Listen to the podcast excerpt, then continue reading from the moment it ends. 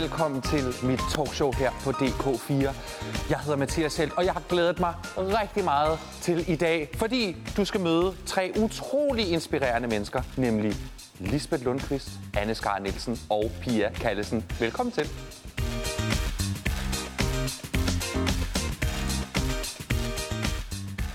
Du sidder lige så fint. Ja, jeg gør. Ikke? Velkommen til. Tak, skat. Ja. Tak. Ja, og vi har jo aftalt på forhånd, lidt har vi dog aftalt på forhånd, Ja. at du må gerne kalde mig skat. Ja, det ligger til mig. Det gør ikke noget. Nej. Jamen, det ligger også til mig at blive kaldt det. Og big... Så det skal du bare gøre. ja. For det første, kunne du tænke dig noget at drikke? øhm, ja, hvad har du? Ja, men vi har faktisk alt her, næsten. Det er en lille salgsvogn. Da de røg ud af DSB, så kom de her, så kom de her ind til mig. Altså, man kan jo få en snaps, men man kan også få vand. Ja. Cola, gin tonic, vin. Man kan også få en kop kaffe. Ved du hvad? Ja, man jeg kan vil også gerne have nej. en vand, fordi... Du skal få en vand. Ikke også? Jo. Og så vil jeg gerne have en gin og tonic. Er det rigtigt? Ja. Du skal... Om øh, lidt og en snaps. Det her vand, ikke? Ja. Der, er- der er lidt en hemmelighed øh, bag det, fordi Ja. det er sådan noget... Øh, det er sådan noget meget eksklusivt vand. Kender ja. du Kardashians? Ikke personligt. Det er, Nej. nogle, det er nogle farveblyanter. Kardashians? Ja. Nej, det hedder Kandash. Det er noget helt De andet. siger da ikke en skid. Kan Ikke du godt huske dem? Overhovedet ikke. Nej, Nej. er, var heller ikke født. Jamen, jeg kommer fra Trængekår, og vi havde stadig ikke råd til den slags. Men du skal få noget dejligt vand. Det er sådan noget ekstremt dyrt, og det smager bare af vand.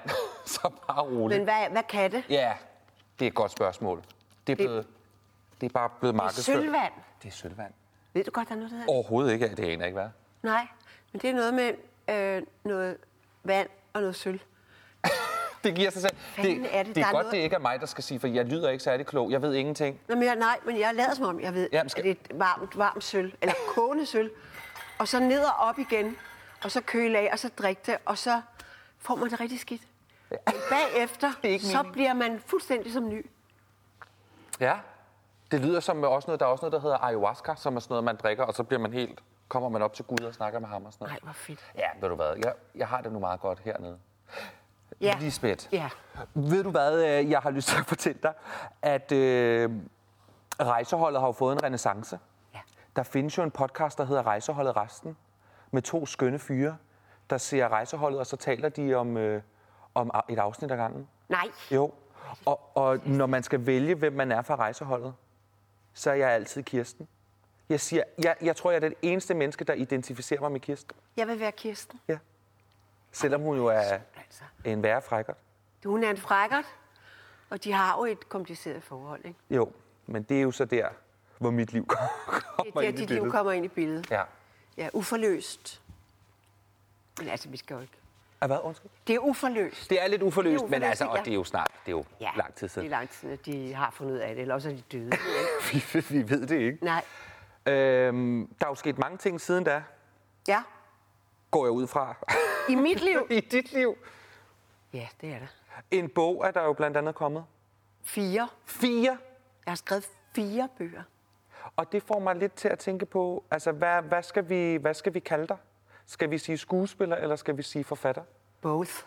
Both. Selvfølgelig. Ja. Men hvad skal stå først? Forfatter. Forfatter? Lige nu forfatter, fordi det at være skuespiller i min alder, kan du næsten godt glemme. Okay. Og specielt at være kvinde Ja. og være i min alder.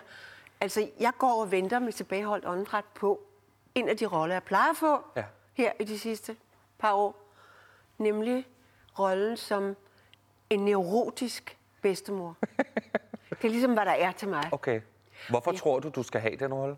Fordi jeg er neurotisk. Ja. Altså, fordi jeg, jeg kan meget nemt sådan presse sammen i hovedet. Okay. Ikke? Men det var da ikke godt. Nej, men det kan jeg. Altså, og det har man så brug for en gang imellem. Og sådan lidt forviftende arme og mm. Et følsomt sind og pisseirriterende. Er, er, er, det, er det udfordrende, når man har et lidt følsomt sind, og så være skuespiller? Jeg tror egentlig, det hænger sammen med, at jeg tror simpelthen, at skuespillere er følsomme sind. Ja, Det er jeg helt sikker på. ja. Eller det ved jeg. De, de er jo totalt vidåbne som børn. Altså, de, det er de. Det er de sødeste mennesker, jeg kender. Når man kommer ind på sådan en scene første gang, ja. så er de jo så søde, som man så elsker dem alle sammen. Fordi de kan identificere sig med en. Det går lige ind i hjertekuglen på dem, og der står en, der er ved at tisse i bukserne. Mm. Og det, øh, det er følsomme mennesker. Mm. Hvorfor blev du skuespiller? Det gjorde jeg, fordi... Jeg tror egentlig selv, blev skuespiller, fordi dels, altså, det bliver jeg nødt til at sige, mm. der, så synes jeg, at det er fantastisk at vise livet på en scene. Og publikum genkender livet mm. og ting, de har op, altså og kærligheden og døden og smerten og det sjove. Mm. Det synes jeg er fantastisk, at man kan det. Derudover tror jeg, at hvis man er meget usikker og på en måde ikke har fået opmærksomhed nok som barn, så tror jeg, det er den lige vej til opmærksomhed. Ja. jamen, jamen, jeg mener, at, at flere af mine kollegaer, altså det, det er sådan nogle, jeg vil gerne se, så jeg vil gerne klappe sig af, jeg vil gerne... Men kan man ikke også godt blive lidt afhængig af det? Jo. Altså, når nu man har prøvet at stå op på den scene, så kan ja. det godt være, at der var noget i barndommen dengang, man ikke var blevet set og klappet nok ja. af. Og så kommer man op på scenen som voksen. Ja.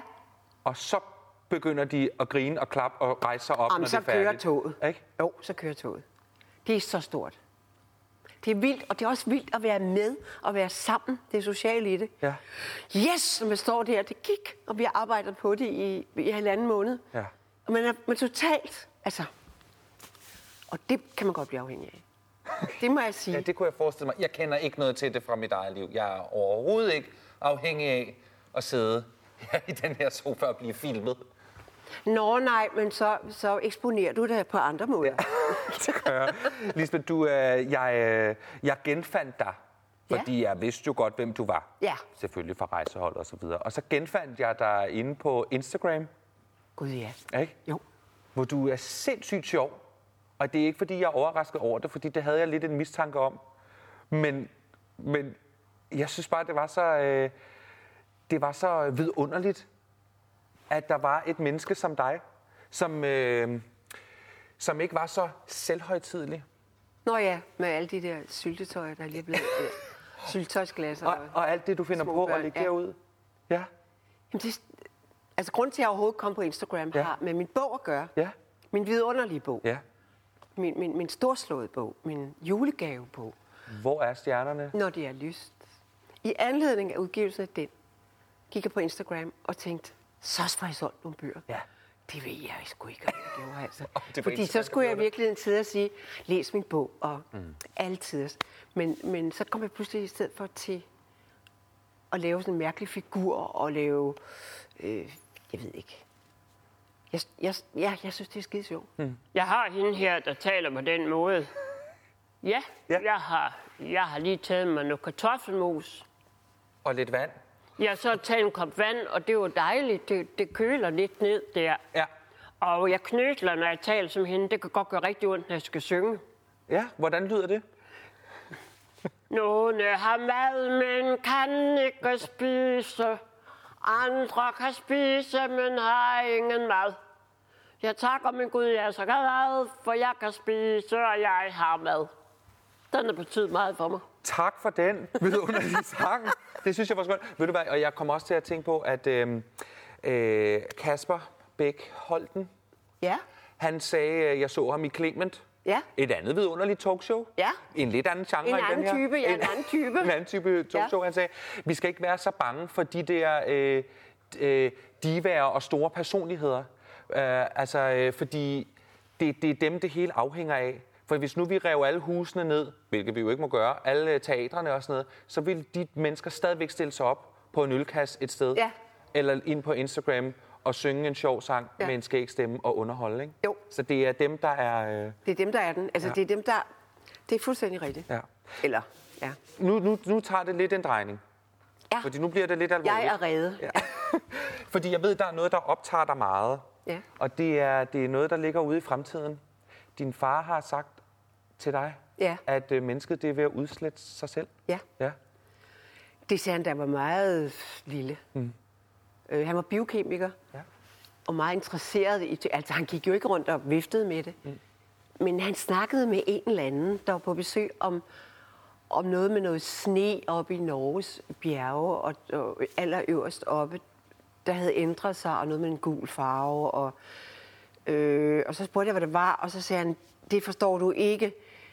Øh, Jeg kan sige til dig, at en dag vil det, der hedder koldioxid, CO2, blive menneskehedens skæbne. Og det er, ej, skal vi sige, 50 år siden. Og han sagde, jeg tror heller ikke, at mennesket kommer til at gøre noget ved det, Nej, det- før det er for sent. det- Og det havde han jo ret i. Ja, vi, vi er ved at, øh, at bevæge os et rigtig kedeligt sted hen, ikke? Der sker ikke en fuglende fis. Nej. Det er et eller andet med, at, at de sender signaler om, at nu gør de det, og vi skal mm. nok, og i 1930 og blomkål og alt muligt. Mm. Altså 1900 blomkål. Øh, der får vi jo, og det gør de ikke. Mm. Jeg lover dig, det gør de ikke. Nej. Så du kan sige, at der er ikke sket noget? Altså, Intet. nej. De holder møder, og så skal de jo... Det væsentligste er jo for dem at blive valgt til nogen. De vil gerne have magt i... Det er meget, meget hårdt, det jeg siger, altså. Men, Det kan man også blive lidt afhængig af ja, magten, ikke? det er det. det, er det. Kender du det der, øh, der findes sådan et øh, ordsprog, som er noget med, at hvis man vil se folks sande væsen, Ja. så skal man ikke tage alt fra dem. Så skal man give dem magt. Og så kommer deres sande væsen Så frem. kommer ikke? det, du. Ja. Nå, men altså, vi to, vi kan jo sidde Vi og... går pludre i Jamen, og det 100 år. vi. Jamen, vi og, det, og jeg synes, det er så dejligt og så hyggeligt. Ja. Men når nu vi har fat i fremtiden, Ja. og alle vores spekulationer om, hvad der kommer til at ske, så synes jeg, vi skal tale med en, som ved lidt om det. Ja. Ja. Hey, der kommer en. Så Lisbeth og dig derhjemme, tager rigtig godt imod fremtidsforskeren Anne Skar Nielsen.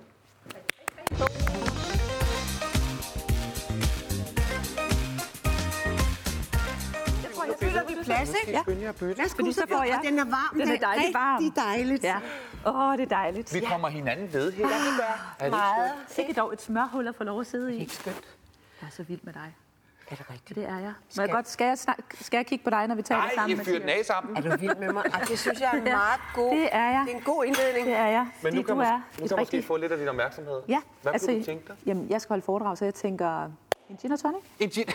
Ej, hvor er det godt. Jeg skal bare på arbejde, så jeg Ja. tager en gin og tonic. Jamen, det skal du få. Ej, jeg vil gerne have dobbelt snaps. Nej, det mente ikke.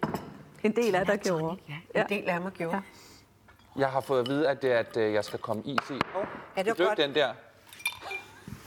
Bare smid den Bare ud med den. Væk med den. Is. Ja, Nej, se! Hvad fanden er det for noget? det er godt, det Ja, sådan Og der. så skal jeg ramme Ned med den. den. Isen smelter Så skal jeg spørge, skal det være den her? Ja. Ja, Hvorfor ikke? Hendrix. Har jo lidt, Pæn øh, flaske. lidt fornemmelse for kvalitet. Ellers ville jeg jo ikke sidde her. Anne, hvor- hvor- hvordan, øh, hvordan står det egentlig til for os mennesker og vores nutid? Det har aldrig været bedre. Det her det er da den, den super fedeste tid at være levende i. Tænk, vi kunne have været, vi kunne have været stenaldermennesker. Ja, Vi jo. kunne have været, dig og mig, havde vi levet i middelalderen, så ville vi jo blevet brændt på bålet for lang tid siden. Så, så var vi aske. Ja, vi var aske i vinden. Øh, ja. Og som man siger, at vi, vi kom jo ikke ud af stenalderen, fordi vi løb tør for sten. Vi kom jo ud af stenalderen, fordi vi rent faktisk fik nogle nye idéer og så ja. på verden på en Ja. ny måde. Så, så det, vi er i gang med at sige farvel til, det er jo vores tids stenalder, altså industritiden, Ja. som har bragt os rigtig godt og rigtig langt og har skabt det velfærdssamfund, vi sidder i nu. Men vi behøver ikke at vente på, at vi løber tør for industri, før vi rykker videre. Nej, at vi gør noget. Ja, altså, jeg vil Det er sige, der, det ligger, er, ikke? Ja. Ja, altså, der, der står faktisk popcorn herovre på bordet, og jeg kan ikke lade være med at, at sidde og kigge på popcorn, og så på Lisbeth på samme tid, og så tænke, du er jo popcorn. Altså, du, du er jo et lækkert popcorn. Jeg er et popcorn. Fordi vi bliver alle sammen født Ja, hvad som Mathias så? små... Du, Marcipanbrød. Det, det, Ja, ja, stort marcipan. pænt brød. Ja. Ja. Vi bliver alle sammen født som, som, som glatte majskerner. Ikke? Vi Ja. ja. kommer ud, og så er vi helt glatte, og vi er helt... Ikke? Men vi er jo måske heller ikke rigtig poppet ud af vores skal. Altså, mine børn, de er født ved, uh, ved kejsersnit alle sammen. Og jeg kan også tydeligt se, det der med børn, der er født ved kejsersnit, de er ligesom ikke rigtig opdaget, Nej. at de er blevet født. At det er nu. Du er altså Den ude. ene af mine tvillinger, han var sådan i seks måneder, der var han sådan... What? Foregår. Ja. Så man skal ligesom poppe, ikke? Man skal ligesom Ja. vågne op. Ja. Man skal, og det tror jeg, der er nogen, der gør meget tidligt. Øh, og så tror jeg, der er nogen, der holder sig selv meget tilbage i skallen. Enten fordi der er nogen, der siger, at du skal være ved med at være den blanke, polerede facade, mm. Ja. som jo enten kan være den helt åbenlyse, ikke? objektive med, at vi skal se ud på en bestemt måde og have botox i vores ansigter. Men det kan også være, at der er nogen, der synes, jamen, du skal være den maskuline mand. Der var en gang, der kunne man ikke bare poppe op og være en homoseksuel, vel? Mm. Der skulle du sidde inde i skabet, og så kunne du få lov at gøre det. Det må ja. vi jo trods alt også gerne gøre i dag. Men der er rigtig mange mennesker, som holder fast krampagtigt i, at vi skal stadigvæk have den her glatte, polerede virksomhedsvelfærdsflade. Og det, der jo sker, det er, at man brænder fuldstændig fast ned i bunden af gryden. Men det der med at så møde dig, ikke? Der bare er poppet og bare Jeg er poppet Og op. bliver ved med at poppe. Ja, det gør jeg. Det er det, der sker. Ja, så bliver man ved med at poppe, ikke? Fordi du bliver ved med at være i bevægelse. Ja. Og når vi er i bevægelse, så er det jo, at vi bliver udfordret. Vi snakker med mennesker, som vi måske ikke kan lide. Vi smager på mad, som vi aldrig har prøvet at smage på før. Øh, vi har læser bøger, ikke? og vi, vi snakker om, om bøger, som vi ikke har læst. Det er også meget moderne, ikke? Altså, Nå, at jo. have en holdning til mennesker, du ikke kender, Ja. bøger, du ikke har læst, og film, Er du du ikke har set. De sociale medier, de kan jo bare... Ja. Ja, og hvis vi kigger på det med den positive, vi har aldrig læst mere Nej. Som mennesker. Ikke? Nej. Altså selvom mediehusene er ved at smelte ned, så har vi som mennesker aldrig haft et større forbrug af medier. Vi har fået de sociale medier, som selvfølgelig har en negativ side, men jo som også gør, at man rent faktisk kunne komme i kontakt med George Clooney, hvis man ville. Ikke? Man kan skrive direkte med den amerikanske præsident. Det kan godt være, at han er en George klaphat. Clooney, tror du det? Hvis du, hvis ja, er, om, jeg tror godt, du kunne. Jeg, jeg har altså lige et Det spørgsmål til det der med, fordi at det, det, det, det, jeg hører lidt, ikke? det er, at du siger, at vi har en masse værktøjer. Ja. Vi har en masse ting fået fra ærne, og altså, vi har udviklet en masse ting, ikke? Som, er, som kunne være rigtig gode for os. Altså for eksempel de sociale medier Ja. og internettet, som jo er en god ting, og var det også lidt. Men det er som om, at nu vi... Altså, hvad er det, vi bruger for eksempel Instagram til? Det er meget få mennesker, der øh, laver sjove videoer for, at andre folk skal grine og have det dejligt. Ja. Altså, de, de tager primært billeder af sig selv, som, se- hvor de ser super godt ud, og så har jeg mistænkt for, at de gør det kun for, at vi andre skal få det lidt dårligt over det. Ikke? Det er det at blive misundelig. Ja. Det er Ja, jo ja. igen, kan du sige, fordi det glattede, det glittede, det glatte popcorn, ikke? Ja. Det vil vi gerne vise over for hinanden. Vi vil gerne bekræfte os selv i, at mit liv er helt blankpoleret. Mm. Men inderst, inden dybest nede i maven, der kan vi nok godt mærke, at jeg tror, det er lidt en løgn, ikke? Mm. Og det er jo noget, som vi arbejder med som fremtidsforskere. Det er, hvad er det, vi ikke har lyst til at snakke om? Ja. Altså, hvad er vores tabuer? Hvad er vores irritationsmomenter? Øh, dem, der kigger med, der er sikkert en del, der kan huske typograferne fra 1980'erne, som var pissesure, ikke? Og møg irriteret over, at de stod over for den digitale bølge, mm. som jo faktisk gjorde, at de Ja. ja. et par år senere ikke havde noget arbejde. Ja. Og hvis du stiller dig op og møder fremtiden og er møgsur, altså du, du simpelthen insisterer på, at jeg skal ligge ned på gryden, på grydens bånd, og dejligt varmt hernede, Ja. ikke? Ej, det går også meget for langt, at man skal sige, yes, jeg er blevet fyret. Men det skal man faktisk. Det skal man faktisk. Det kan godt være, at man, at man ikke mener det inde Nej. i sig selv. Og så plejer vi også at sige, at så prøv bare at sige, at jeg er blevet frisat. Ja. Altså kom hjem til Jeg børnene og frisat. sige, frisat på arbejdsmarkedet. Yep, jeg tjener ingen Nu kan penge. jeg, gøre, det. jeg tjener ingen penge. Jeg er fuldstændig fri. Men der, der er noget med sådan, der er noget med, noget med en udvikling, som vi konstant er bange for. Ikke? Ja, og det er også det, er, fordi kompleksiteten er blevet så stor. Øhm, altså, vi vil nok egentlig gå så langt som til at sige, at kompleksiteten er vores tids største fjende. Mm. Fordi der er jo et dejligt, øh, en dejlig sætning, som er, at den eneste grund til, at ondskaben får lov at reagere i verden, er, at gode mennesker ingenting gør. Og i dag er der utrolig mange gode mennesker mm. i verden. Jeg kommer rigtig meget ud i hele verden. Mm. Jeg møder en gang imellem nogen, der er onde. Ikke ret tit. Nogle gange møder jeg nogen, der er onde, og de ved det faktisk ikke selv. Nej. Hvordan opdager du de onde? Det kan jeg høre på den måde, de, øh, de taler på. Jeg kan se det på dem. Altså jeg kan se, at de er simpelthen solgt ud. Der er ikke noget glans tilbage i øjnene. Og så er de triste. De er ofte meget rige. Øhm, og så har de som deres, øh, kan man sige, deres strategier og deres livsformål går ud på at prøve at sabotere et eller andet for andre mennesker, for at de kan holde fast For i de deres selv- egen ja. position. Ja. De har sådan en fornemmelse af, ligesom vi kender, når man sidder på banegården i toget, og så begynder toget på den modsatte side af perronen at køre, så føles det som om, du selv kører baglæns. Ja. selvom du egentlig holder stille. Ja. Og den er der, vil jeg sige, de onde mennesker i verden i dag, dem der sidder for eksempel med den gamle olie, og de gamle penge, og det gamle matadorspil. Ja. Ikke det der med, hvor det bare gælder om at købe nogle byggegrunde. Ja, Byt noget plastikpis og bonge dine venner for husleje, Ja. og så sidder du til sidst helt alene. Banken har vundet, du har vundet, alle de andre har skrevet. Ja. Jeg synes, du er en kæmpe klap her, ikke? Gå direkte i fængsel. Men de, de er jo i gang med direkte, altså at dem, der, der har magten mm-hmm. og pengene, at øh, punktere alt, hvad der hedder grønne investeringer.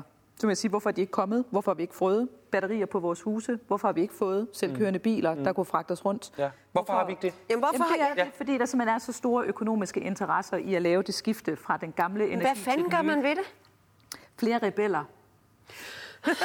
Det er altså op på barrikaderne. Det er op på barrikaderne. Ja, ja. Hvad skal du lave på søndag? Vi kalder det fra pedeller til rebeller. Der skal ud og vifte med batterierne. Ja. Jeg tror, Lenin han sagde engang, at når, når revolutionen kom til Danmark, så vil der ikke rigtig ske noget, fordi det regner den dag, og så bliver danskerne hjemme. Altså, vi er jo også Og nødt til at gøre op ja. med os selv, at hvad vi egentlig er villige til at ofre. Fordi ja, der er blevet sagt om min generation, Ja. ja. vores generation, Mathias, ikke? Ja. Ja. at vi er måske den, den, den generation, der kommer til at gå over i ver- verdenshistorien som den værste, der nogensinde har levet. Fordi vi kan se det hele. Ja, ja. Ikke vi snakker om det, vi analyserer det, Men så bliver vi afmægtige, ikke? Så tænker vi, pff, om der er også bagedyst i aften. Er det, er det det der kompleksiteten blandt Det er andet? både kompleksiteten, men det er også komforten. Altså, hvad vil vi egentlig helst? Vil vi helst være frie mm. og gøre det, vi har lyst til? Mm. Eller vil vi have komfort? Mm. Vil vi sove i en varm seng, og så glæde os til, at der er udsalg på fredag, når vi skal ind og shoppe? Ja. Ja. Og, og det, er jo, det er jo det, der Ja, er Black Friday. dilemmaet i dag. Ikke? Det er, hvad er egentlig vigtigst for dig? Hvad vil du være villig til at ofre? Og jeg tror også, der er mange mennesker, der går ud og shopper, fordi at de har nogle følelser inde i sig selv, nogle tabuer, noget jeg ikke har lyst til at snakke Angst. om. Ja. En angst, ikke? en frygt. Men det har, jeg, jeg kan simpelthen ikke rumme at være i de følelser. Så kan jeg lave noget andet. Jeg kan dyrke en Ironman, eller Ja. jeg kan melde mig til noget frivilligt arbejde, eller jeg kan shoppe igennem. Og så føler jeg lige pludselig nogle følelser, som er rare, og så kan jeg ligesom lægge låg på gryden, ikke? Ja. og så popper mit popcorn, ikke? så ligger jeg bare dernede Ja. ja. i den lumre der. Ikke? Og få det endnu værre. Hvad hedder det? Um... Ej, jeg skal hente tårt. Ja, værsgo, Jeg kunne lige skål. prøve at komme med et eksempel. Ikke? Ja. Det er Det var det gin og tony, det der? Ja. Ja. Gin og tonic. Ja. Gin og tonic. Jim og Tony. Jim og Tommy. Skål. Skål, Skål. min ven. Skål. Hvad med dig? Jamen, jeg må springe over. Det må blive en anden Altså, dag. et godt koncept. Hvis du i dag Glimrende som 21-årig Ja. sparer 70 procent af din løn op, indtil du bliver 30, mm. så er du faktisk økonomisk og uafhængig resten af dit liv. Det Hvad nu, hvis jeg man have er, gjort. ja, ja. Hvad nu, hvis man er arbejdsløs? Jamen, du, nu vil jeg sige, du får selv Ja, det jo ja, så også, at du ja, har et ja, arbejde. ja. Så lad os nu sige, at du, du er en af de der stræbsomme unge mennesker, Ja. eller, og det, kan, det er jo tømrere og folk, der arbejder i en bank, eller Ja. du kan have tre forskellige typer af arbejde, du kan arbejde med IT. Hvis du så sætter dig for at sige, jeg vil simpelthen minimere mine, mine udgifter, jeg køber kun det, som jeg har brug for, Yes. og så sparer jeg 70 procent af min løn op Ja. i ni år, så kan du være økonomisk uafhængig Ja. resten af dit liv, hvis du får det investeret det rigtige sted. Jeg vil bare lige sige, altså, øh, at da jeg var 21, der var 70 procent af min udgift, det var til min husleje. Altså, det var Og sådan- så kan det være, at du vælger at sige, ikke, at så bor jeg sammen med fire andre. Ja. Og så kan det godt være, at det ikke er super komfortabelt. Ja. Ja. Men fordi vi egentlig hellere vil have vores frihed til at designe det liv, vi har lyst til at leve de næste... Men, men kommer trods alt til at leve, til man bliver 100. Mm. At jeg vil bare ikke leve på den måde, hvor jeg skal være en forbruger, hvor jeg absolut skal have et arbejde og købe et parcelhus mm. og få et forbrugslån og en husleje, Jeg som jeg så der ikke har råd til. står i vejen for, at man kan tage den beslutning? Jo, det tror jeg. Må du godt have en Men jeg fest og lærte være ung mine og skide være med det? Ja. Ja. Jeg lærer det til mine børn ud fra, at jeg synes selv, de skal have lov til at vælge. Ja. Altså, de skal ikke bare presses ned i den gamle Nej, støbeform, fordi jeg siger, at det er den eneste rigtige måde at gøre på, fordi Og det- det ser jo ikke ud, som om den virker super godt. Nej, det er vel lige det, ikke? Altså, fordi Ja. hvis, vi, hvis vi bliver ved med at bare gøre det samme, som vi hele tiden har gjort, Ja. så ender vi også det samme sted, Så som ender vi vi i hele tiden har stenalderen gjort. igen. Ja. Ja. Eller derude, hvor øh, der ikke er Worst plads til case mennesker. scenario, det er, at vi ender i, i, middel, i middelalderen igen. Ja. Ikke? Så starter vi forfra. Øh, Så er det, at bliver brændt på bålet. Er der ikke noget med det? Ja. Hekseafbrændingerne? Nej, det var ikke der. Altså, det der prepping er faktisk også en, en trend rigtig mange steder Ja. i verden. Altså, vi så jo tidligere preppers, det er dem der, der samler konservesdåser sammen, ikke? Og, De er jo meget bange for, at der kommer en eller anden zombie. ja, zombie war, zombie Ja. outbreak, ikke? Ja. Men, men det Hvad der faktisk... de de konservesdåser til? Jamen, så, så, så spekulerer man i, at hvis der nu kom 3. verdenskrig, eller et zombie-outbreak, eller det, der hedder en EMP, Så de lave våben med dem. elektromagnetisk puls, der springer over USA, så er de bumpet tilbage til stenalderen i løbet Ja. af ganske kort tid. Og der, er der, jo, der har der jo været ganske få rundt omkring i verden, som har levet på den måde, ikke? at de Ja. så bor ude i en skov. Men fordi de nu kan kobles op på internettet, og så begynder mange andre at tænke, shit mand, ikke? det kunne da egentlig godt være, at vi lige skulle bygge et beskyttelsesrum, eller Ja. have en flyver stående klar. Det er faktisk en stigende trend blandt verdens rigeste mennesker Ja, ja. i USA. Ja.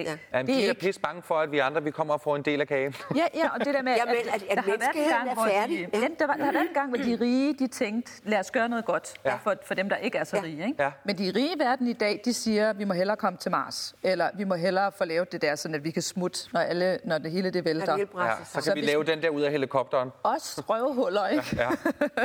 Os, der er sådan Ja. ja. blandt både, kan man sige, dem, der kommer ned, som er de lidt socialt udsatte, og så den brede middelklasse, og så måske lige op og, og skrabe lidt i toppen, ikke? Mm. Vi er on our own. Altså, vi skal til at være mere rebeller, og til at have nogle stærkere fællesskaber, og passe mere på hinanden.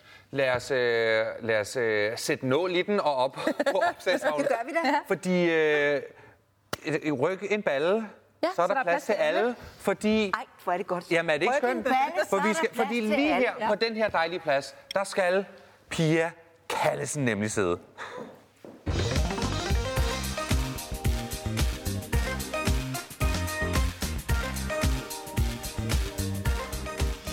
Velkommen til, Pia. tak. Ikke? Jeg, jeg, er- jeg er helt vild med det, vi har fået op at køre. den her. Det er også meget spændende. For det første, hvad kunne du tænke dig at drikke, Pia? Åh, jamen, øh, nu skal vi ikke til at åbne rødvin og sådan noget. Gin og snaps er godt sammen. Ja, gin og snaps. så vil Ja. være en gin og tonic. En gin og tonic, jamen det er perfekt. Det har jeg haft fat i tidligere nemlig. Vil bare se, de her de er ikke smuttet ud over det hele. Er den god? Ja, det er øhm, dejligt. Du er øh, psykolog. Ja. Leder hos Klinik. Chef, nej. Jo, jo, jo. Ja, hos Sektos. Ja. Det er godt, det er rigtigt. Ja. Og I har specialiseret jer i... Ja, en, ny, en helt nyt paradigme inden for psykologien, der hedder metakognitiv terapi. Ja. Og det er faktisk en helt ny, et helt nyt popcorn, kan man Fedt. sige, Ja, ja. Øh, som skal redde menneskeheden. Pop it, baby. Ja. Og jeg er jo optimistisk, fordi mm. selvom øh, WHO siger, at vi alle sammen kommer til at lide af depression i 2020, så er der faktisk håb.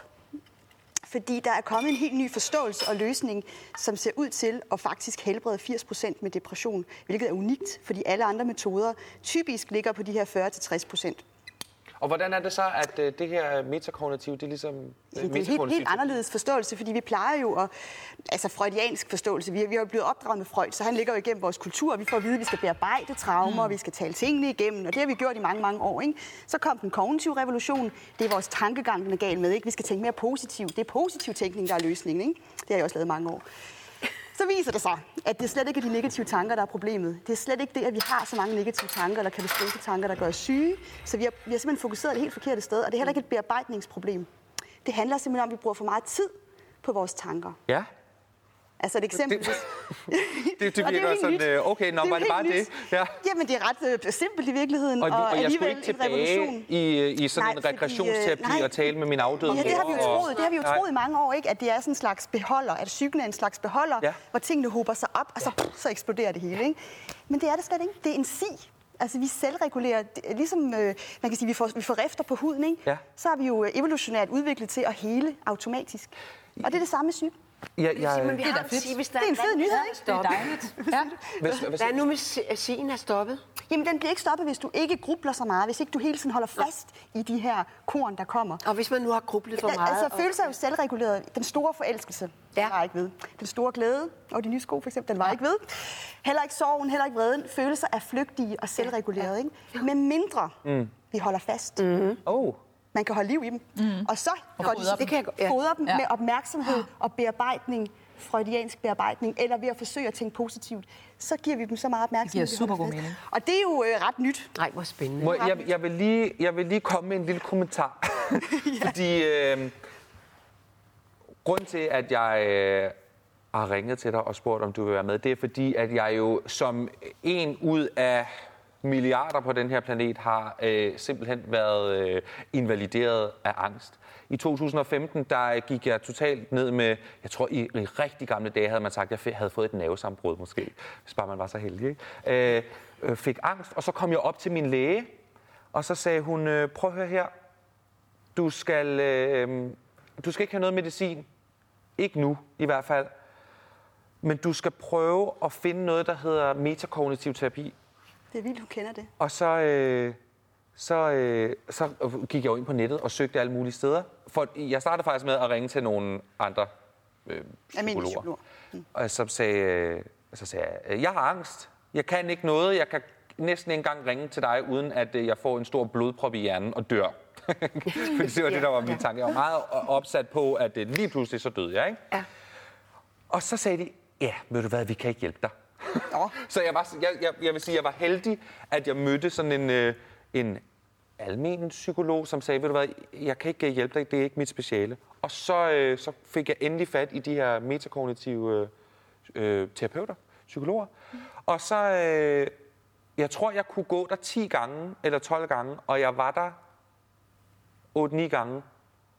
Og så kunne jeg simpelthen øh, bare fortsætte med at leve mit liv, sådan som jeg havde gjort inden da. Altså, det, det, det tog cirka et, øh, jeg tror, det tog et lille års tid for mig.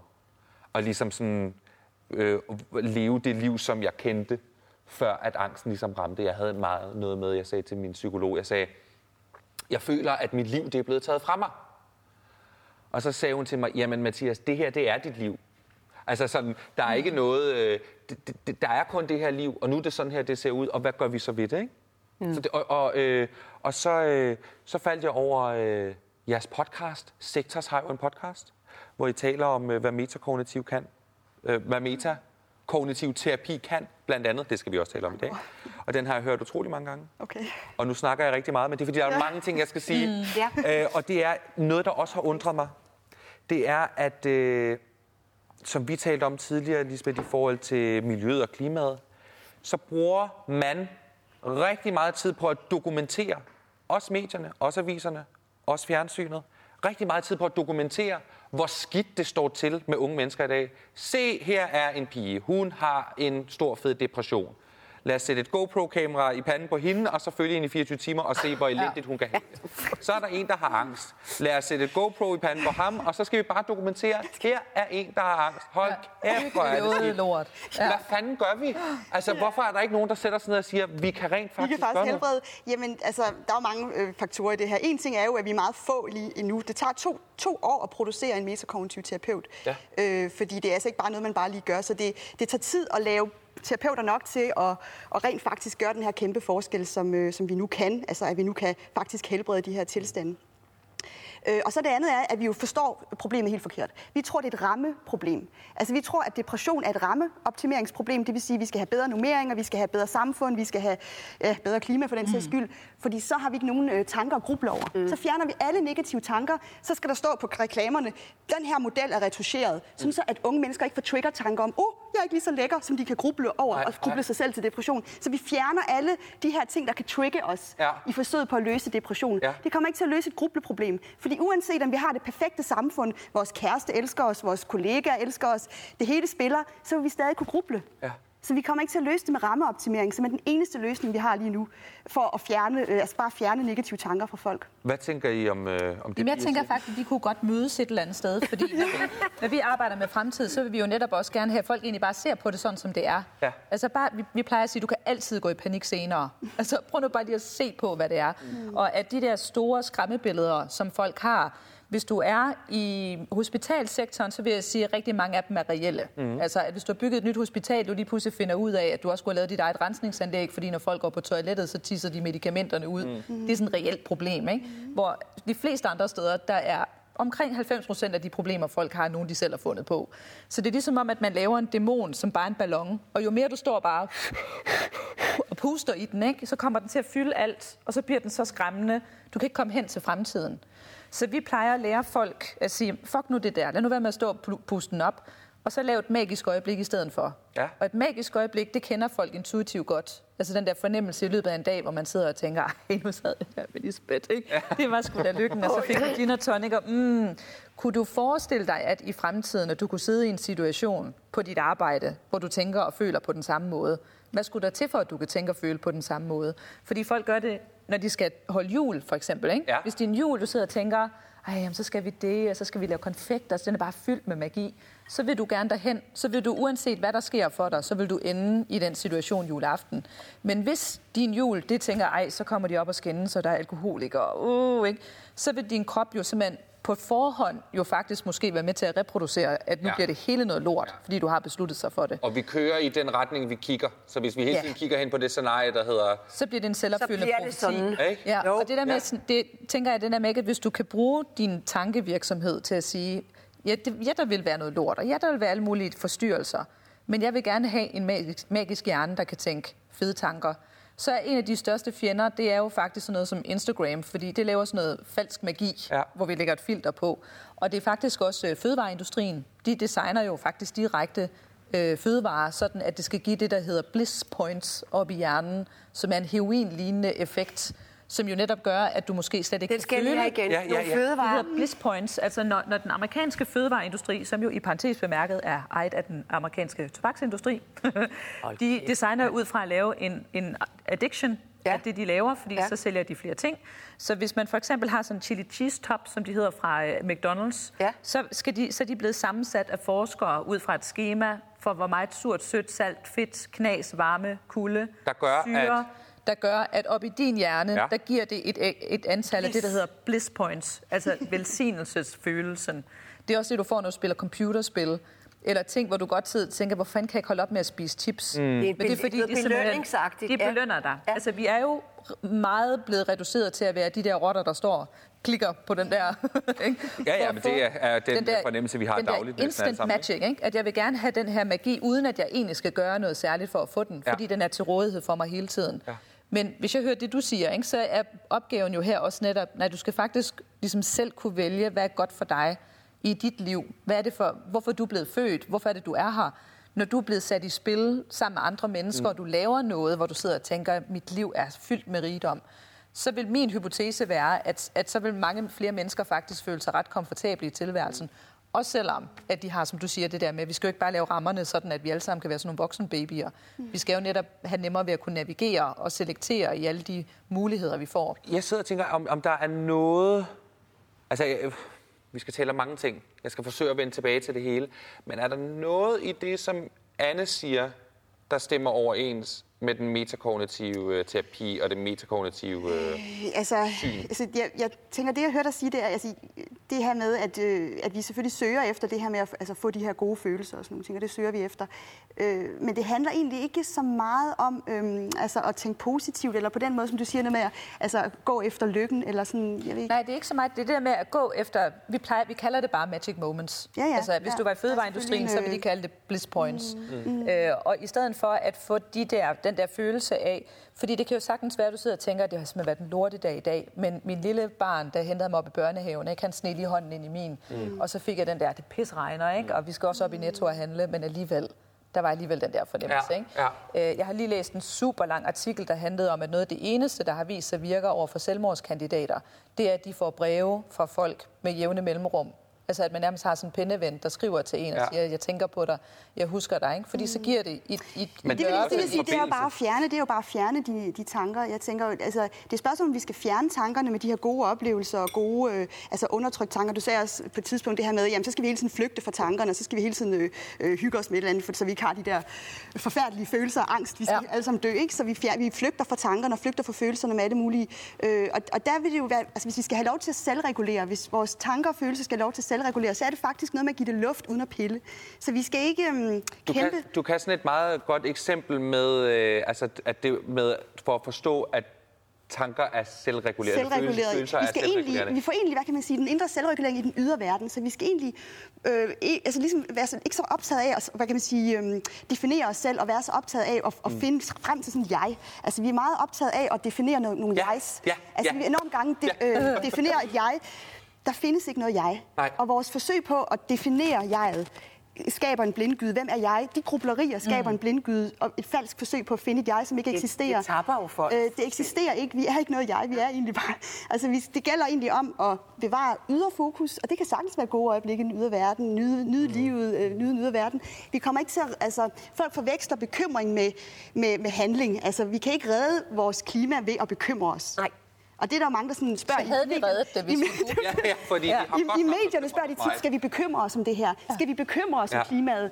Nej, vi skal ikke bekymre os om klimaet, vi skal gøre Gør dog noget. noget. Og det er det, der er sådan, folk de kommer til netop, øh, ja, og, og vi bruger alt for meget tid ind i vores hoveder og bekymring og definerer os selv i vores indre verden. Ja. Øh, og, og jeg vil sige, løsningen, hvis vi vil ligesom handle mere, fordi det nytter ikke noget, hvis vi alle sammen bekymrer os til angst, så kan vi jo ikke handle på klimaets vegne. Og, Og nu har vi også talt meget om, nu har vi også dokumenteret rigtig meget. Ikke? Nu Ja. kan vi godt få nogle løsninger på bordet. Ja, løsningen er løsningen? løsningen er øh, at være mere til stede i den, øh, i den ydre verden, mere nærvær med andre mennesker, og være mere nærværende. Altså, øh, ydre verden, mere, øh, ja, det er der løsningen er. Mm. Fordi så vil vi bedre selvregulere, vi bevarer vores overskud, vi vil rent faktisk kunne handle på vores reelle problemer, i stedet for at vi alle sammen har bekym- bekymret os ned til stress og depression. Lisbeth, inden for dit fag, skuespilfaget, Ja. der er der jo desværre nogle kedelige tilfælde af, at folk, som ellers har haft en fantastisk lang karri- karriere og stået på den scene dag ud og dag ind, at de når lige pludselig, så kommer sceneskrækken Ja. fra den ene dag til den anden Ja. og, og lammer dem, og der er jo nogen, der aldrig kommer op på den scene igen. Mhm. Ikke?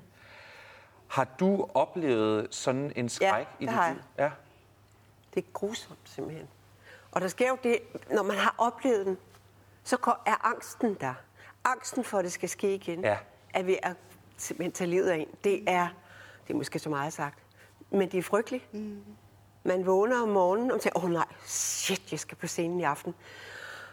Hvad skal jeg gøre? Øhm, jeg hører lige noget, øh, nogle, hvad hedder sådan nogle delfiner synge. Ja, en eller anden ja, ja, ja. eller- Det har jeg også hørt rigtig meget af. Ja, så, sådan noget, du ved, ikke? Ja. Ja, Wellnessmusik. Ja. ja, ja. Og så øh, pakker jeg mig ind i sådan en speciel dyne mm. i af form som en stor slange, kan Ja. ja. man se? Ja. Og man bare lægger den sådan, ligesom man har 17 arme om sig, og så lægger man sig, mm. kære Gud, kære Gud, det må ikke ske igen i aften, det må ikke ske igen i aften. Det er Det er frygteligt. Frygteligt. Ja, det er frygteligt. Og, og, øh, og jeg synes, det er så... øh, Da jeg blev udsat, det lyder, når man siger metakognitiv terapi, det lyder ja. Ja. også som noget med nogle hønseknogler og eksamen og sådan noget, Og det er altså så langt fra det, som man overhovedet kan være. Men så sad jeg og tænkte, fordi det, du siger med det delfinmusik, ja. Og pakke sig ind og ja. Kigge ind i en krystal, og, som jeg sådan set også er meget stor fan af. Ja. Altså, fordi det for mig er noget, også er plads noget, til. det er noget Ja. spiritualitet og noget, ikke? Men så tænker jeg, hold op, hvor har jeg gjort mange uhensigtsmæssige ting for at prøve at komme ud af angsten, eller for at håndtere den, eller det. for bare at få mit fucking liv Det er jo tilbage. paradoks. Du kommer ikke ud af den Det er jo angst. paradokset, fordi så Ja, længe du præcis. prøver at regulere, Ja. så kan det ikke få lov at selvregulere. Præcis. Så længe du kæmper med at regulere Ja. det. Åh, oh, jeg skal regulere, Jeg det, jeg skal fuldstændig, åndedrætsøvelser. Der er jo så mange, der lærer os Ja, åndedrætsøvelser, også lært. mindfulness. Ja. Så længe vi kæmper så meget med at regulere, så kan vores system ikke få lov at selvregulere. Det eneste, jeg kunne tænke på, da jeg skulle lære åndedrætsøvelser, det var, om øh, der er der også en, en mislyd, når jeg trækker vejret. Jeg har nok kraft i? Åh, oh, ja. Og så kan og mit hjerte ja. Ja, hold op, hvor mit hjerte banker hurtigt. Det skulle nok være at stå af lige om lidt. Jeg Så synes, det er så dejligt, at man også laver kurser i sådan noget afslappning. Fordi det kan vi også lave til et stressmoment. Det er jo det, man Jeg kan stresse ikke det, ordentligt. skal, Jamen, jeg håber, det hjælper, fordi ja, Ja. jeg har sådan en hjertebank og sådan noget, jeg skal, og så hjælper Væk med det, væk med det, væk med det. Og Og på den korte bane, ikke? Ligesom tisse i bukserne. Ja. Og den nemmeste terapiform i hele verden, sådan noget mindfulness for eksempel, ikke? Altså, som jo i virkeligheden bare handler om at lukke øjnene og så bare prøve at være. Altså det kan man også sætte op på en formel, sådan, så folk kan gøre det forkert, Ja. og vi kan tjene penge på at lære dem det. Præcis. Og du kan også gøre det for meget, så du får traume af at sidde og meditere Ja. ind i dig selv. Men hvad, hvad, hvad undskyld, uh, Anne. Det gør, ved du hvad? Gør det bare igen. Ja. Doink. Hvad jer gjorde du? sammen. Hvordan, øh, hvordan øh, endte det for dig? Det endte sådan, at jeg gik til en øh, psykiater. Jeg, Ja. ja. Det var på Aarhus Teater, det her sker. Jeg gik til en psykiater. Hvad fanden er det, han hedder? En stor stjerne på Aarhus Universitet. ja. En forsker, som også har indtalt sådan nogle CD'er, hvor han siger... Zachariasen. Nå, nå. Ja, Zachariasen. Skøn mand. Og sagde, nå, har du sceneskræk? Nå, det har jeg aldrig hørt om. Så sagde han, nu skal jeg fortælle dig om det. Det var sådan og sådan og sådan. Nå, ja, det er jo, det er jo alvorligt at have det på den måde, men jeg tror ikke... Kan du ikke hypnotisere mig? ja. Nej, det tror jeg ikke, men, men prøv lige at, at, at, prøv lige at tænke på det værste på en scene, du har oplevet. Og så gjorde jeg det. Sveden biblede, og så sagde han, prøv så at tænke på det bedste. Så tænkte jeg, det er, når jeg står der i, i lyset, og publikum klap. Og så var det med, noget med, at jeg skulle, hvis det værste kom, så skulle jeg trykke mig et bested, sted på tommelfingeren. Så kom det gode. ja. Og problemet var, at jeg troede ikke på det. Kender I godt det? Ja, så går hele Ja, man fløjten kan- i Ej, den den er for tyk simpelthen. Ja, Ja, ja. ja. Jeg trykker og trykker skidt ikke. Men, og, og, og, nu, og nu er det bare lige for at sige, fordi vi, jeg skal også lige passe på, at jeg ikke kommer til at sidde og sige, at metakognitiv terapi er det, der kommer til at redde hele den her verden. Det må Oh, du gerne sige, synes jeg, vi skal sige. skal Ja. vi ikke bare sige det?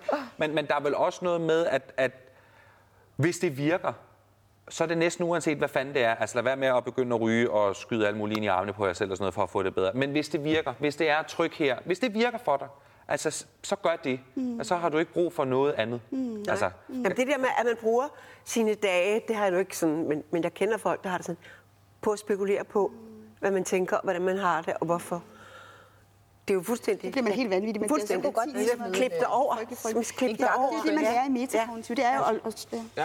En gakket trend på bordet. Ikke? Det tænker jeg, det kan vi godt klare i det her forum. Ja. Der er faktisk mange inden for mit gebet, der mener, at efter den øh, industrielle revolution, som er den, vi er på vej ud af nu, der kommer den spirituelle revolution, altså den åndelige revolution. Ja. Ikke nødvendigvis en religiøs revolution, det kan godt være en del af det, men en åndelig revolution. Men altså, religion og spiritualitet er jo også to forskellige ting. Det er to forskellige ting. Så vi er over i det spirituelle. Ja. Øh, Og det vil sige, at om 50 år, når vi sidder og kigger tilbage, ligesom vi kan sidde og kigge 50 år tilbage mm. herfra og sige, gud, hvor var det mærkeligt, at sådan og sådan og sådan. Ikke? Der vil noget af det, man kigger tilbage på på den her tid, det var, gud, var det mærkeligt, at folk de sad fedtet med deres egne problemer helt selv. De følte slet ikke den der forbundethed med andre mennesker, som vi gør om når vi er der om 50 år. Der er faktisk mange matematikere, kvantefysikere og psykologer, øh, inklusive også fremtidsforskere, der har en teori om, at det, der sker i øjeblikket, og grund til, at vi har alt det her angst og neuroser og ADHD og behovet for hele tiden at skulle gå ud og smække en diagnose på folk, Ja. er simpelthen fordi, at vores hjerner er i gang med at udvikle sig til at kunne rumme hyperkompleksitet. Fordi vi er på vej ud af en måde at leve på, hvor vi er meget os selv, som det der med, du siger, det er ikke, at det er vigtigt, at jeg holder fast i mit jeg, fordi det er mit jeg, der går til eksamen, det er mit jeg, der går på arbejde, Ja. det er mit jeg, der skal realisere mig selv. Sådan var det jo ikke for 100 og 150 år siden. Der var jeg jo en del af en familie. Så kommer til Kina, har de jo slet heller ikke den samme bevidsthed om, at jeget er essentielt. Nej. Hvis du er hos de Amish i USA, ikke, så måler de jo alting op mod, om det, om det styrker fællesskabet og godt for familien. Og måske er den her frustration, vi føler, og hvor vi også prøver at fikse vores egne problemer, måske er nøglen til det, at vi finder ud af, at det handler faktisk slet ikke om mig. Noget, der har virket utrolig godt for mig, når jeg får den der følelse. Fordi jeg står jo også nogle gange med mm. 2.000 mennesker, eller en paneldebat, eller tre politikere, en minister, eller folk, jeg skal styre rundt med. Og hvis jeg så kan komme om morgenen, og egentlig føle, det går sgu meget godt, så kommer jeg ind i lokalet, og lige pludselig så kan jeg bare mærke, at hele min stemning, Yes. den skifter. Ja. Så det første, jeg tænker, det er, er det mit?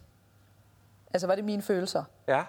Og så finder jeg ud af, 9 ud af 10 gange, nej, det var det ikke. Det kan også være, at jeg samler telefonen op, og så er der en journalist eller en kunde i den anden ende. Og så lige pludselig kan jeg bare mærke, at jeg begynder at få, altså mit hjerte hopper, og mm. mine tanker mylder rundt. Og så tænker jeg, er det mit? Nej, det var det ikke. Nej. Og så finder jeg ud af, at det er den anden person.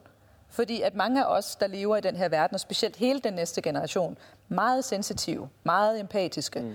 Og hvad nu hvis om 50 år, vi vil sige, at vi faktisk kan dokumentere, at de følelser, vi har, de er slet ikke dine egne følelser. Altså, du mærker nu den uro, der er blandt publikum. Nu kommer de igen. Ja. Og Det det, er vil sige, jo mere du sidder netop og prøver selv, og du prøver selv, og hvad fanden, og det må også være min barndom, og det kunne også være, at du snakker om det, så bliver det lige pludselig mm. til dine egne. Men det var slet ikke dine til at starte med. Jeg går ud og grav nogle kartofler. Det har gjort mit liv så meget nemmere, fordi det, det, det, det betyder for mig, det er, at nu lige pludselig kan jeg forstå, Ja. ja. altså nu kan jeg sætte mig ind i, gud, hvor må det være hårdt at være dig. ikke? Men jeg skal ikke fikse det. Nej. Altså jeg skal egentlig komme med den der, hvor er det, du gerne vil hen, for at du kommer af med alt det der. Lad være med at fedte rundt i det. Men at give dig nogle positive fremtidsbilleder på, hvor det er, du gerne vil være hen. Hvis, hvis nu man øh, oplever det med sceneskrækken, eller man skal fremlægge for sin Jeg klasse... oplever, jeg oplever også øh, Ja. bekymringer, og jeg har jo også masser af bekymringer. Jeg har en, en, en søn, der har epilepsi, øh, det gav rigtig mange af de her bekymringstanker, og jeg kan jo synes, at det er, altså, jeg er meget bekymret, når jeg skal holde foredrag og sådan noget. Ja. Det, der kan få mange trigger-tanker om, åh oh, nej, hvad hvis klappen går ned, og hvad hvis Ja, jeg ja, ikke... ja. Det har jeg prøvet. Det er helt normalt, øh, og, og, der, og der, der, altså min strategi er jo at lade det være, fordi så ved jeg, at det selvregulerer. Så det er egentlig at gøre ingenting, der er løsningen. Men, øh, og, og så, fordi, så skal jeg jo prøve at være lidt kritisk overfor det. Ja, endelig. Hvordan fanden... Okay, det var ikke så kritisk. hvordan Hvordan, gør man Jamen, det er jo den, det er jo den vigtigste overbevisning. Det er faktisk den, vi arbejder med i metakognitiv terapi. Ja. Ja. For den vigtigste drivkraft for, at folk grubler, Ja. han, det var, altså ham, der udviklede metoden, spurgte jo folk, hvorfor bekymrer du dig så meget? Hvorfor går du så meget og prøver at håndtere så meget? Det er jo, du kan jo ikke sove om natten, hvis du bekymrer dig. Og det eneste svar, han fik, det var, det er, fordi jeg ikke kan lade være. Ja. Og, øh, og den overbevisning driver simpelthen grubleprocessen. Og det er jo fordi, vi får at vide, at vi ikke kan lade være. Vores Ja. ja. psykiater siger, at du kan ikke lade være, du er psykisk syg, du har en mm. kemisk ubalance, du kan ikke selv lade være. Vi lærer ikke, hvordan. Øh, så hvorfor skal, hvordan skal vi vide, at vi kan lade være? Mm. Øh, Hvordan så gør man? Jamen det gør man ved, at man ikke tager telefonen billedligt talt. Altså tankerne Ja. ringer til en, følelserne Ja. ringer til en, ikke? Ligesom sådan en mobiltelefon, der ringer. Åh oh, nej, hvad hvis det går galt? Hvad nu, hvis øh, du ikke kan klare det? Hvad hvis de ikke øh, kan lide dig? Det ringer, den ringer til dig. Og det bedste, man kan gøre med en stalker, der ringer rigtig meget, hvad er det? Ja. Lad den være. Ja. Ja, bare Vær være. med- Så, det, vil- så ringer han ikke så meget mere. Så regulerer han sig selv. Ja, ja, det er rigtigt. Det, det er sjovt, det der med... Så man lader, ikke være, man lader være med at tage Jeg har telefonen. faktisk sådan en helt playliste inde i mit hoved, jeg kan sætte på, Nå. hvis der kommer, hvis du ved, hvis telefonen den ringer med det der. Og hvis jeg godt ved, jeg skal ikke det der. Og så har jeg faktisk en helt playliste med It's Raining Men og Eye of the Tiger. Det er lidt Det er for meget. Der en god sang. Rambo. Det er- Og så spiller jeg det bare rigtig højt ind i mit altså, eget jeg vil hoved. sige, det er too much doing i metakognitiv forstand. Uh, nå, der er Too det much allerede for meget. Too much doing. Ja. Altså, doing less is doing more i den her terapi. Ikke? Så du skal egentlig gøre så lidt som overhovedet muligt, fordi så regulerer det bedst muligt. Og hvor går man hen? Man gør, men, men øh, jamen, altså, hvor er det smarte sted? Det er måske at lytte til en podcast, eller hvad vil Ja. man normalt lave, før man skal på lave foredrag, måske snakke med sit barn, eller... Ja. Altså, Jamen, helt hvis med normalt den angst, der ligger der, altså. Ja, den er der jo ligesom tinnitus i baggrunden. Men derfor behøver man jo ikke at snakke med Det er den, bare helt i er. orden, jeg går i stå om lidt. Og siger, Ja, det undskyld, må man gerne have- Undskyld, have tanker jeg har glemt, hvad jeg skal sige. Den larmer i hovedet. Og så... Ja. Ja. Men er der, men er der, kan, der, larmer. Mm. kan der ikke også være noget med, at det tænker jeg i hvert fald tit på mig selv. Jeg tror nogle gange, mine kollegaer og mine medmennesker i mit lille netværk og samfund, de kan godt være lidt irriteret over, hvor afslappet jeg er i forhold til ting. Altså, jeg kan nogle gange også være alt for afslappet. Sådan noget med, ved I hvad, venner? Lad os krydse den bro, når vi når dertil. Altså, lad den klap gå ned, når den går ned. Men nu sidder jeg sådan set hjemme i min sofa. Så skal jeg ikke sidde og tænke på, om klappen den går ned om Nej, tre dage, nej, nej. når jeg skal sidde herinde Ja. sammen med jer. Ved I hvad, hvis den gør det, jamen så gør den det. Og lur mig, men sanden, det gjorde den ikke. Fordi jeg var rent faktisk til stede her, og ikke sad og tænkte på, at den der klap, der hele tiden skulle Ja. gå ned, den gik ned. Jeg har prøvet, at klappen gik ned. Ja. Hvad, hvad? Jamen, det gode ved det, det var jo, at jeg ikke døde. Ja, det er jo det. Ja. Så det har faktisk været... det? Nej, jeg fik heller ikke kræft af det. meget godt. Og det var forfærdeligt og frygteligt pinligt, og jeg lå i, altså, i fosterstilling Mm. i to Der dage. kunne du så også gå dig for nogle grublerier, kan jeg så lige. Ja. Ja, det kunne jeg. Det kunne jeg. Så kunne, du have, så kunne det have taget en halv time i stedet for en hel nat. Ja. Ja. Men det var, fordi det også bare var fysisk, altså at den der fornemmelse. Og jeg, jeg har fundet ud af med mig, at det tager mig 24 timer at få det ud af kroppen. Men du skal ikke have det ud af kroppen. Du skal selvregulere. Det skal selvregulere. Du skal- ja. Du skal netop ikke Lad det du skal være. arbejde på at få det ud af kroppen. Jamen, det gør jeg heller ikke. Men det, så vil jeg siger så... 24 timer, det plejer ikke at tage så lang tid, hvis du lader det være. Hvis du virkelig lader det være, så er Ja. tanker ret flygtige. Følelser var heller ikke 24 timer. Altså, hvis du lader dem, Jeg må læse lader bogen. dem Se, fordi her er bogen. Lev Ja. mere, tænk mindre. Ja. Pia Kallesen. Ja. Det Ej, den navn skal vi der. da have. Ikke? Jamen, og der er kun én, og den har jeg fået lov til at beholde. Og den, hvornår kommer Der er kun en i verden. Ej, den er. Den er jo Du må gå på omgang. Den er simpelthen ude, og jeg vil bare Ja, sige... den er udgivet, ja. Jeg håber, at vi øh, på en eller anden måde fik gjort øh, folk en lille smule klogere, eller i hvert fald nysgerrige på, hvad metakognitiv terapi det er. Og hvis man er interesseret, så kan man jo både høre jeres podcast, og man kan læse den her bog. Ikke? Ja. Glæder os meget til det. Ej, hvor godt. kan altid gå i panik senere. Ja, vi kan altid Ja. ja. panik Ja, det senere. kan vi. Ikke sårene på Det forsiden. ligger der Ja. et eller andet sted. Ja. Der er jo mange ting, der kan gå galt. Det er utrolig mange, mange måder, man kan dø på. Man kan også af siden sofa. Det er jo det. Ja, og puha, det skal vi endelig ikke gøre for længe. Må ikke, der ligger noget øh, ja, hypokondri her. Jeg, jeg er formand for hypokondrifri, hypokondriforeningen. Ja, ja. Er det det? Hypokondriforeningen. Ja. ja. Hvordan, øh, hvad fejler du i morgen? Man ved aldrig. Nej, nej, nej, det kan få lov til at komme. Det kommer man heller ikke. Man det kommer tør for snigende. samtale Ja, er det, ja. Ja. Måske kan vi slutte med et, et lille magisk øjeblik, fordi øh, Lisbeth, du kan jo blive meget rørt Ja. over at øh, blandt andet kigge på fugle, men også at kigge på ballet for eksempel. ja, Ikke? det kan jeg. Ja. Når jeg sidder og ser på ballet, kan jeg tænke, hvor er det mirakuløst at mennesket, fra det var, altså den udvikling, vi har været igennem, at fra vi var aber, at nogen har fundet, så danser man lidt, at nogen er kommet dertil, undskyld, jeg har bihulbetændelse, og den løber, den løber den forkerte vej. Nå. At nogen har fundet ud af at lave ballettrin og lave musik til, og de står på en scene, og jeg sidder her. Altså, det er ubegribeligt, og det er, det kan virkelig få tårerne frem i mine øjne. Mm. Det er menneskeheden. Det er jo også det, de har opfundet bogstaven, at kunne kommunikere ved hjælp af de der. Jamen, det er jo så stort. Og musikken, og jeg kunne blive ved. Og nu metakognitiv terapi også. Og, Og- nu, og nu- og nu metakognitiv det er terapi. fantastisk, det er fantastisk. Ja. Og tænk så, hvor vi er om 50 år, ja. hvor vi sidder og kigger tilbage på det her øjeblik. Fulde af samhørighed. Og fuglene, Og hallo, og fuglene. Ja. Hør lige her. Fuglen er et dyr, der flyver. Ja. Er det ikke vildt? Tænk, hvis vi også kunne, ikke? Ja. Og grunden til, at vi ikke gør det, det er, fordi vi simpelthen ikke tror nok på Vi det. tror ikke op nok på det. Ja, som 50 år, der Og vil vi og kast dig sige, ud. Ja. Så kan du tænke, at vi skulle have det er flyvemaskiner så for at flyve. Jeg elsker dem, og jeg har Og øjenkontakt alle dem, der ikke tror på det, de er nødt til at, Ja. de kan tage toget. Jeg vil godt have lov til at sige, at øh, det her var lidt et magisk øjeblik for mig, hvis jeg har forstået det rigtigt. Ja. Og jeg er øh, i mit liv, der kan de øh, magiske øjeblikke og den metakognitive terapi og spi- spiritualiteten, det kan mødes. Jeg synes, jeg lever med, med, med alle tre ting i en skøn harmoni. Lige indtil den dag, det går galt. Åh oh, nej, jeg må hellere skynde mig hjem og bekymre mig om det. Nej, Ja. det skal jeg nemlig ikke. Bare du ikke brænder fast på bunden af gulvet. Som det lille popcorn. Ja. Pia Kallesen, tusind tak, fordi du havde lyst til at komme ind Tak fordi og forsøge at gøre os klogere på metakognitiv terapi. Og at Tak. der er håb Der er håb for forude. menneskeheden Ja. og psykiske lidelser. Ja. Anne Skar Nielsen. Tusind tak, fordi du havde lyst til at sådan dryste Jamen, lidt altid, fremtid. altid, altid. Ikke? Og, øh, og, Kommer uanset, hvad vi gør. og skål, skål i Titanic. Og kære Lisbeth Lund. Ja, Det har simpelthen været en kæmpe stor fornøjelse. I lige måde. Og jeg glæder mig til at åbne min Instagram og se, hvad du nu har fundet på der. Ja, ja. Ikke? Jo. Og så husk, at vi to vi har Kirsten fra rejseholdet sammen. Vi har Kirsten på rejseholdet. Der. Ikke? Tusind tak, fordi Jeg jeg har lyst til roller. Ja, I skal simpelthen have flere roller. Dig som statsminister. Men jeg vil godt Ja. endnu en gang sige, at I skal læse min bog. Det gør vi. Jeg ærger mig simpelthen sådan, jeg kan tage den med til jer. Alle fire. Det handler om det hele. Og den er også sjov. Vi glæder os. Ja. Det bliver skønt. Tusind tak, fordi du havde lyst til at se med. Det var mit talkshow for denne her omgang. Og blive hængende her på DK4, fordi der kommer helt sikkert noget vidunderligt tv til dig. Ha' det rigtig godt, og vi ses. hej hej. Og så kan man gøre sådan her og vinke. Hej hej hej hej hej. Er det det der? Ja.